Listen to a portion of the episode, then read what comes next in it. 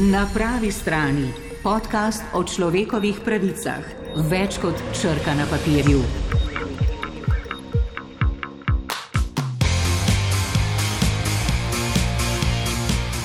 Še nikoli nismo živeli v povsem svobodni, lastni državi. Smo sposobni biti svobodni, smo sposobni živeti v svetu, ki se tudi sam v temeljih spreminja. Podajamo se v svet, kjer so vsa obzorja na široko odprta in kjer bo tudi vse drugače. Izzivi so veliki, potrebni odgovori pa bomo morali biti povsem izvirni. Hvala lepa. Dr. France Bučar ob sprejetju ustave pred 30 leti in leto 2021. Prišli smo sporočiti, da dosti te lopovščine pa kraje pred uh, očmi naroda, ki služi, pa dela, pa pošteno živi, pa pošteno dela. Podporo Ivan Galetu in proti lopovščini v Sloveniji. Meni osebno je gladko vse, nas rdeča, svijolčena, rumena, slevo, zdesna, nas naravnost, nas postran. Začnite delati za to, da bo narod lahko živel. V bistvu policija ni imela nikakršnega uh, vzroka oziroma povoda za to, da me obišče na domu.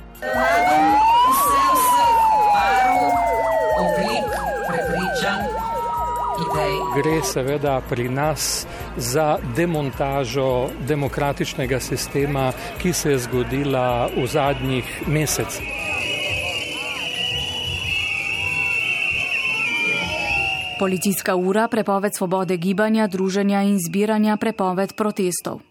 Sloveniji ima oblast ljudstvo in to oblast ljudstvo lahko izvršuje tudi preko tako imenovanih institutov neposredne demokracije in tega ni mogoče kar a priori omejiti.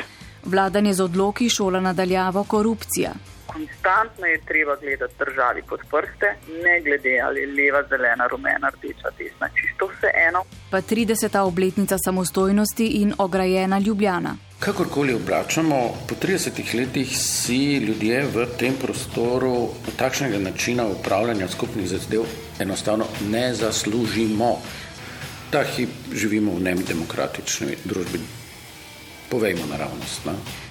Prizori policijske represije so vzivec, vodni top, policijska pridržanja, ustrahovanja. Vse te države, ki so nam bile včasih za ozor, jih naša vlada trenutno kritizira in si približuje torej v bistvu mačarski, polski, tem državam, ki, se, ki so jasne kršiteljice nacionalnih zakonodaj, mednarodnega prava, evropskega prava, ki ne spoštujejo človekovih pravic, ki torej ne spoštujejo svobode medijev, svobodo izražanja in to je izjemno nazadovanje na vsem tem področju. Finančno izčrpavanje STA.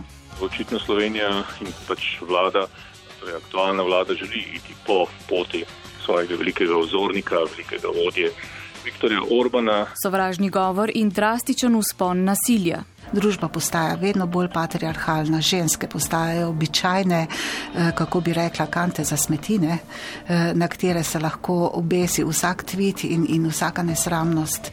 Napadi na akademsko sfero, univerzo, napadi na kulturo, napadi na medije.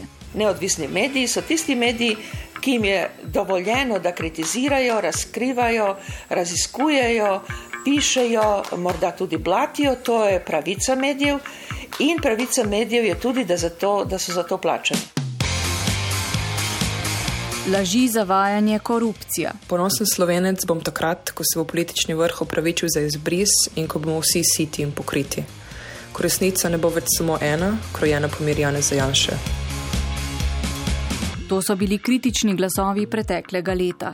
V letošnjem zadnjem delu podcasta se pogovarjam s svojima prvima gostoma, ki se bosta ozrla nazaj in dogajanje v preteklem letu postavila v širši kontekst. Ervin Hladnik Milharčič. Če vse skupaj sešteješ, ugotoviš, da je pod resnim pritiskom pravica do svobodnega življenja. In tukaj lahko potem govorimo o resni krizi. Ervin, kar smo slišali, si povedal februarja letos, smo išli iz resne krize, kje smo danes?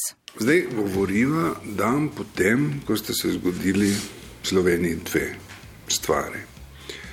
Končalo se je predsedovanje Evropski uniji, v Evropskem parlamentu pa so glasovali o resoluciji ki opozarja državo, da se giblje v smeri demokratičnega deficita.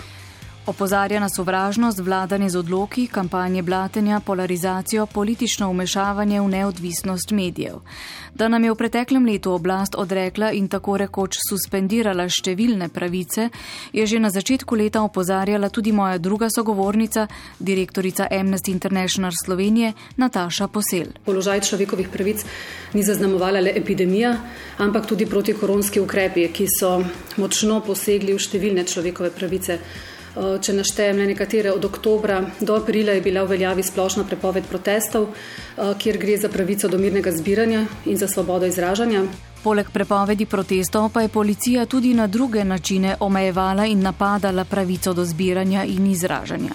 To so bila naprimer popisovanja, eh, ustavljanja posameznikov in posameznic že na poti oziroma na domnevni poti na protest in to v polni zaščitni opremi policistov, potem s kaznovanjem, z visokimi globami, z demoniziranjem, da so krivi za širjenje okužb, zapiranjem javnega prostora, ki je sicer na voljo za proteste, in tudi s kaznovanjem in preganjanjem posamičnih dejanj izražanja mnenja. In policijsko nasilje je ob vrhu EU Zahodni Balkan tako eskaliralo, da smo pri pravni mreži za varstvo demokracije pozvali k parlamentarni preiskavi ravnanja policije. Kajti ob uporabi vodnega topa, policijskih psov, konjenice je policija uporabila 400 nabojev sozilca, pravzaprav vse poprek, tudi na popolnoma mirne skupinice protestnikov eh, in tako na široko, da je sozilec zadev tudi številne, ki sploh niso protestirali. Um, vendarle pa je sozilec lahko nevaren, lahko povzroči celo smrt in bi ga morali uporabljati v najmanjši možni meri. Usporedno se je dogajalo še marsikaj drugega. Jaz mislim, da smo doživeli revolucijo.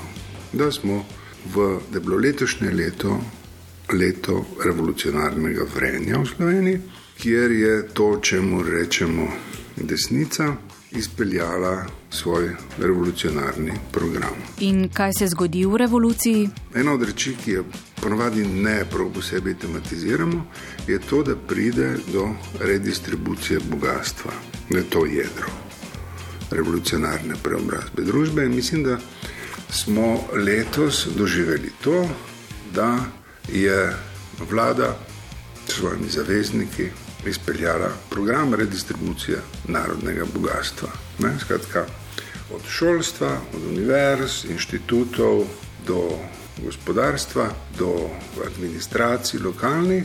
Mislim, da smo to doživeli in da to nekako povzroča veliko slabe volje. Ne? Slabo voljo povzroča tudi vladanje z odloki. Do danes smo jih našteli več kot 2700. In številni ukrepi tudi niso bili sprejeti na podlagi strokovnih priporočil in mnen in so zato dajali videz političnosti namesto videz strokovnosti. Nedopustno in nerazumljivo je tudi, da vlada po skoraj dveh letih pandemije ni poskrbela za ustrezno pravno podlago, da bi bilo ukrepanje za obladovanje epidemije lahko učinkovito, strokovno, zakonito in skladno z ustavo. In še posebej, da tega ni naredila po opozorilu in v roku, ki ga je predpisalo ustavno sodišče. Z vidika varstva človekovih pravic je sicer pomembno, da je ustavno sodišče vendarle razsodilo o številnih ukrepih, Seveda pa v primerih, ko je treba na odločitve ustavnega sodišča čakati po več mesecev, ne, eh, je to vprašanje, v koliki meri je to um, še učinkovito pravno sredstvo. Kar je mene tam prizadelo, je to, da nas obravnavajo kot nerazvito družbo, ki ne zna reagirati na izredne razmere. To je tako, kot če se zgodi potres in nimaš civilne zaščite organizirane. Ne pol nima kdo pomagati in se lahko zanašaš na to, kar, kar te sicer drži po konci. Ne?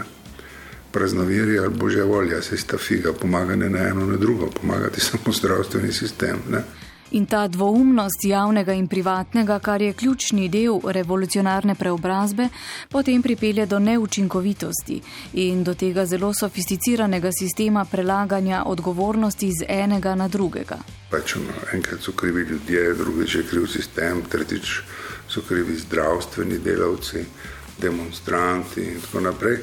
Ampak dejstvo je, da v teh situacijah nihče ni kriv, nikoga, mislim, malo koga lahko pošlješ pred sodišče. Tle imaš opravka z pandemično inkompetenco ljudi, diletantov, ki vodijo procese, ki bi morali biti v rokah profesionalcev. Če smo se v začetku leta spraševali o tem, ali bomo imeli nekakšne COVID potne liste, danes brez PCT potrdila ne moreš več nikamor. Brez PCT vstop prepovedan, tudi v šolo.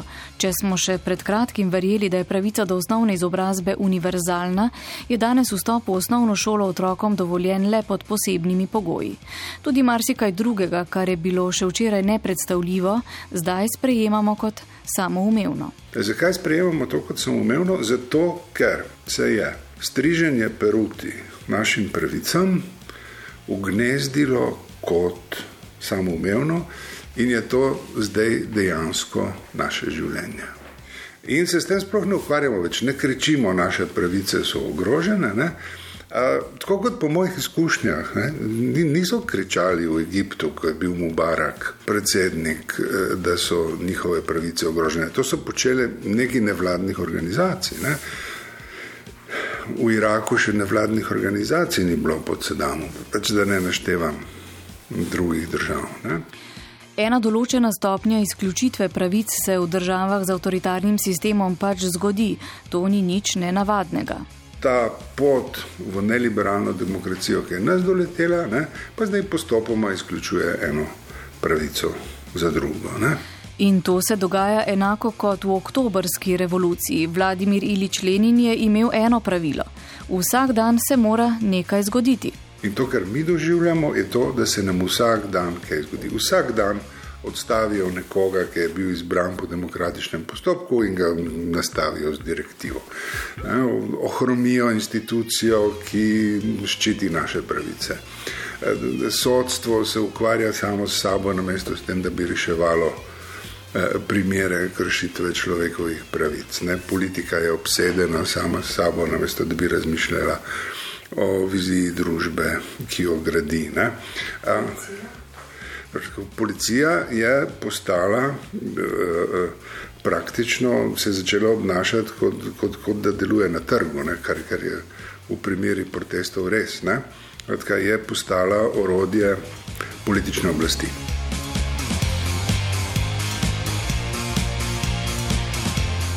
No, izven koronskih ukrepov pa smo z izjemno zaskrbljenostjo spremljali napad na neodvisno delo medijev, od odrekanja financiranja STA do verbalnih napadov na novinarje, do omalovažujočih, žaljivih komentarjev do novinarjev in novinark njihovega dela in ne na vse zadnje tudi do odločitev o skrajševanju časa informativnih oddaj na nacionalni RTV in tukaj ostaja izjemno pomembna skrb za verodostojne, za celovite informacije o zadevah javnega in skupnega pomena. Um, sploh v času epidemije ali sedaj v supervolilnem letu, ki je pred nami, je to še toliko bolj pomembno in se tega še toliko bolj zavedamo.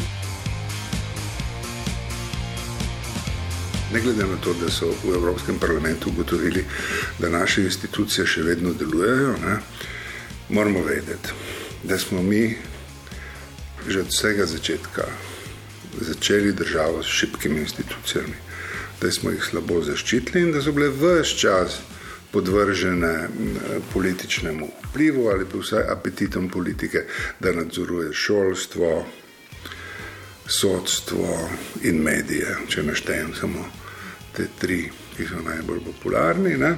Ampak zdaj so pa institucije popustile in je vedno več neposrednega nadzora. Nad STA-jem, nad RTV-jem, tukaj niti ni več mimikrije, ne, več to je jasno povedano, da se pretvarjajo javne institucije v orodja trenutne oblasti. Ne. In to, eh, pač to je rezultat revolucije. Mislim, to, treba je vedeti. In, in moramo pač vedeti, da še revolucija še, zdaleč ni končana. Ne. To je proces, ki traja, uh, dokler se ne izpe, zdaj smo pa nekje na sredini tega in uh, lahko pač, kot opazovalci samo vestno pišemo kroniko tega, kar se nam dogaja.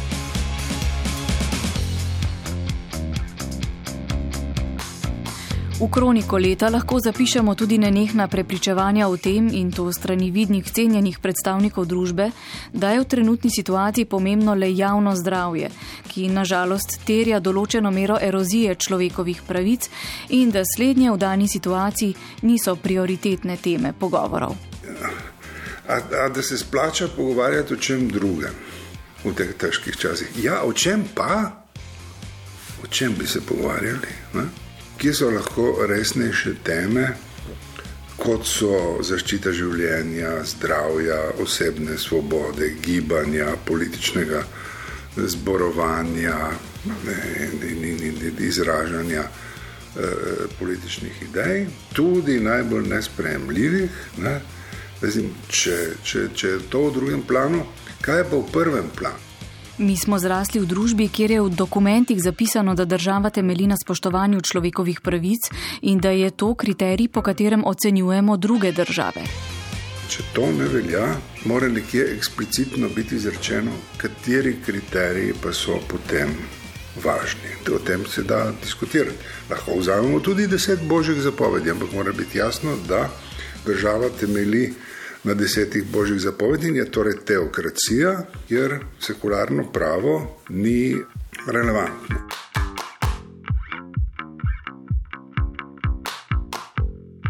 Ja, pravzaprav smo bili soočeni z neko tako dilemo in izbiro, ne, ali je zdravje ali je varstvo človekovih pravic, ampak to je že v izhodišču zelo lažna dilema in lažna izbira. Kam smo še zašli z razumevanjem človekovih pravic? V zadnjih tednih leta sta v Dragoni umrla dva človeka, ki jo poznamo kot turška deklica in mladenič iz Bangladeša. Nekako tudi pri najboljši volji se zdaj ne morem spomniti njunih imen. Kar je na tem zares težkega, je samoumevnost, katero spremljamo to. Samoumevnost na kateri ravni? Najprej na institucionalni ravni, kjer mati in otroke eh, deklice iz Djarbakirja, ki se je utopila. Slovenska policija vrne z nekim tehničnim opravičilom, da se je to zgodilo tik na meji na Hrvaško. Iz žene iz Slovenije bi rekli v malo bolj trdem jeziku. Ne? Kar se pa mladeniča iz Bangladeša tiče, se zdaj ukvarja njegova družina z vprašanjem, ali lahko ko zbere 4500 evrov, koliko stane repatriacija trupla, ali pa tega ne morejo zbrati in bojo mladeniča pokopali v Piranu. Moja reakcija je bila, da sem rekel kolegu Urašu Škrambergerju, Škerlu, ki, se, ki veliko piše o beguncih, sem rekel Uraš, da je praši, kdaj bojo pogrebi, gremo na pogreb. Ne? Tako da jim pokazati vsaj eno minimalno stopnjo a, dostojanstva. Tako da, če se bodo odločili za pokop, bomo šli na pogreb. Zakaj? Zakaj, Zakaj bomo šli? Ne? A, človek ne gre rad na pogrebe, ne? ampak zato, da nekemu anonimnemu momentu naše zgodovine damo ime, priimek in konkreten obraz. In zakaj to govorim? Zato, ker se mi zdi to indikativno za otopelost ki nas je prevzela iz več razlogov. Občutek, da je vsega preveč, da ne prenesemo več dnevnih novic in da je najbolje, da se mentalno kar odklopimo od realnosti, da izklopimo empatijo, pa razum tudi. A čaka nas še nekaj neprijetnega. Tako da mislim, da nas čaka eno resno obdobje, ki ne bo, ki ne bo lepo, ne?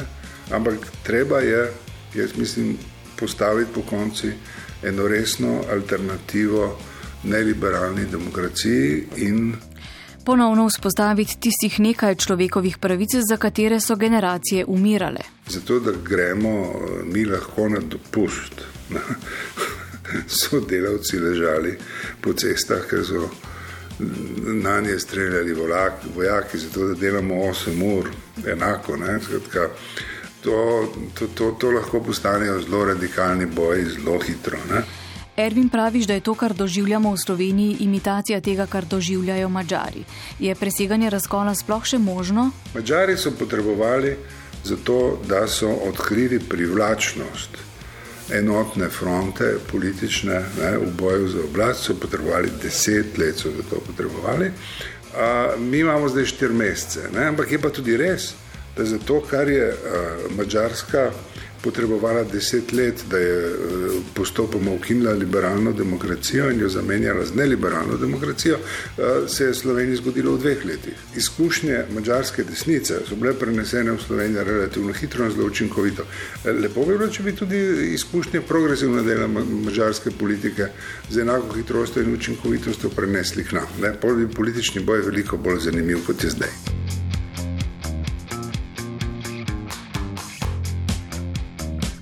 Če se ozremo onkraj naših meja, je videti, kot da je svet razdeljen na dve polovici.